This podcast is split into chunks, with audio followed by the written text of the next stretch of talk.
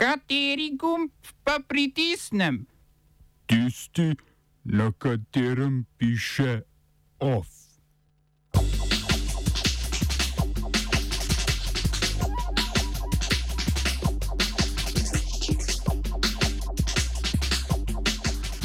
Kitajska zamrznila kitajsko-avstralski strateški ekonomski dialog.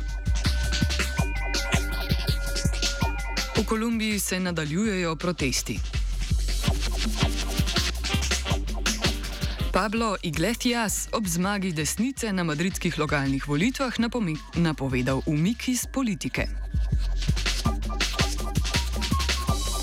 Koalicija vložila nov predlog za razrešitev Igorja Zorčiča.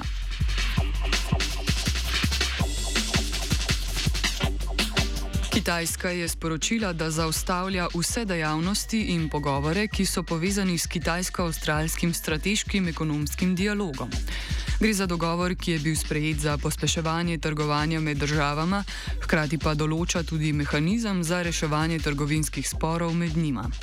Na zadnje sta se v okviru tega dogovora državi sestali leta 2017, ko sta sklenili sporazum o sodelovanju pri kitajskem projektu NPAS, ena pot.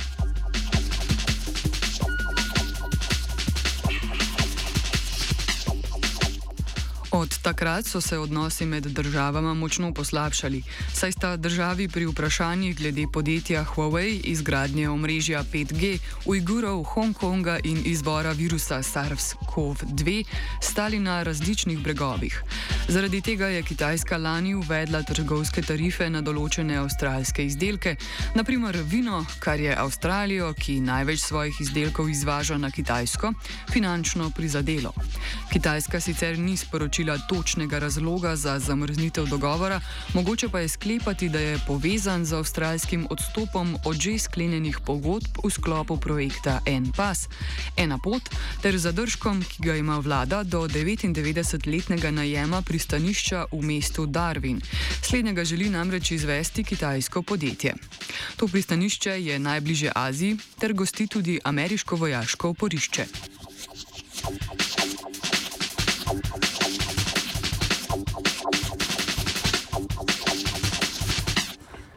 Selimo se v Južno Ameriko. Protesti v Kolumbiji ne pojenjajo kljub umiku davčne reforme predsednika Ivana Dukeja, ki je bila prvotni povod za proteste. Ljudje ustrajajo pri demonstracijah, da bi dosegli vrsto drugih sprememb. Protestniki poleg odstopa Dukeja med drugim zahtevajo tudi umik predlagane zdravstvene reforme, uvedbo univerzalnega temeljnega dohodka za vse Kolumbice v višini 215 evrov ter konec policijskega nasilja nad protestniki. Cestne zapore zapore, ki so jih postavili protestniki, povzročajo težave v gospodarstvu, predvsem v kavni industriji. Kolumbija namreč proizvede tretjino kave na svetu.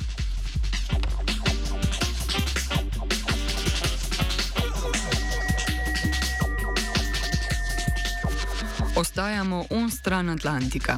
Zvezdno okrajno sodišče v Združenih državah Amerike je preklicalo državni moratorij na izseljevanje najemnikov, ki ga je izdal Center za preprečevanje in nadzor nad boleznimi z angliško kratico CDC. Sodišče meni, da CDC nima pooblastil za to vrstne zaustavitve.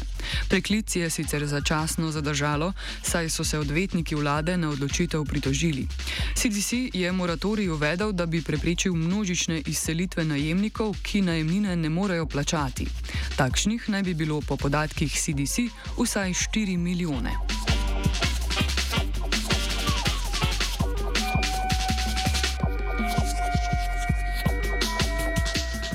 Haško sodišče je Dominika Onguena obsodilo na 25 let zapora zaradi vojnih zločinov in zločinov proti človeštvu.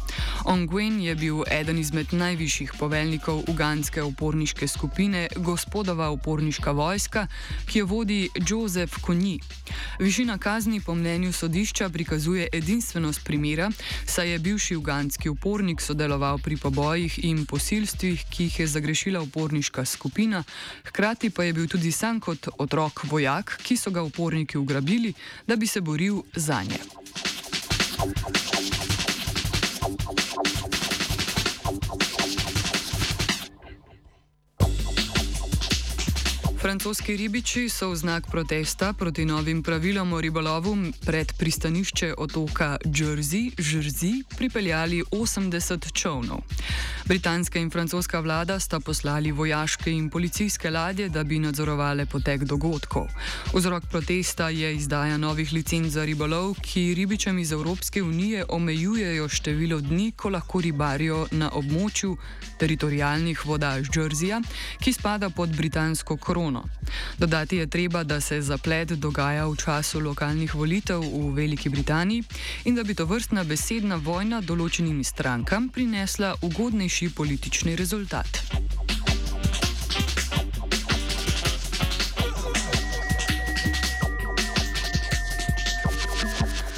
Po porazu na lokalnih volitvah v Madridu je vodja stranke Podemos, Pablo Iglesias, napovedal svojo politično upokojitev.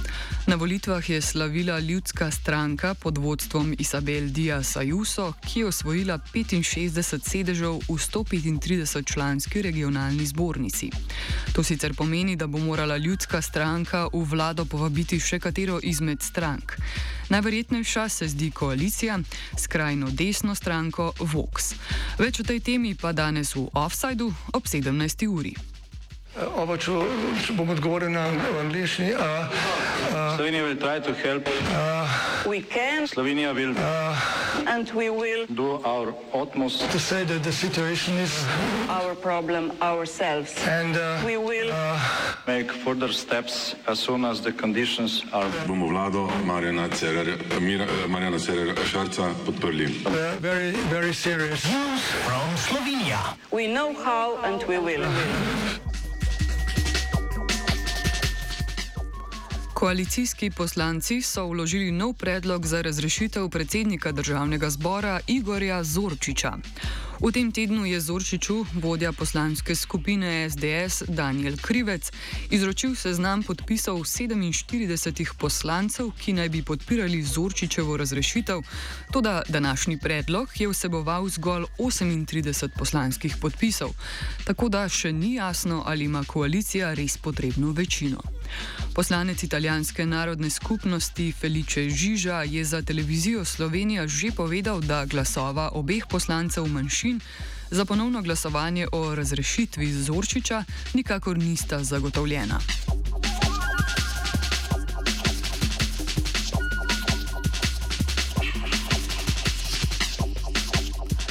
Premijer Janez Ivan Janša je preko svojega priljubljenega pripomočka za komuniciranje z novinarji in širšo javnostjo Twitterja objavil spremembo cepilne strategije.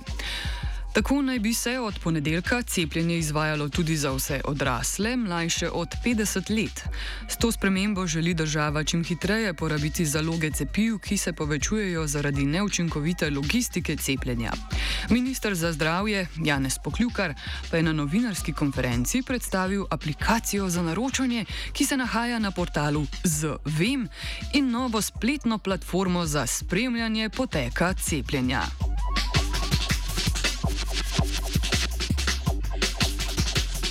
Off je spisal Dominik.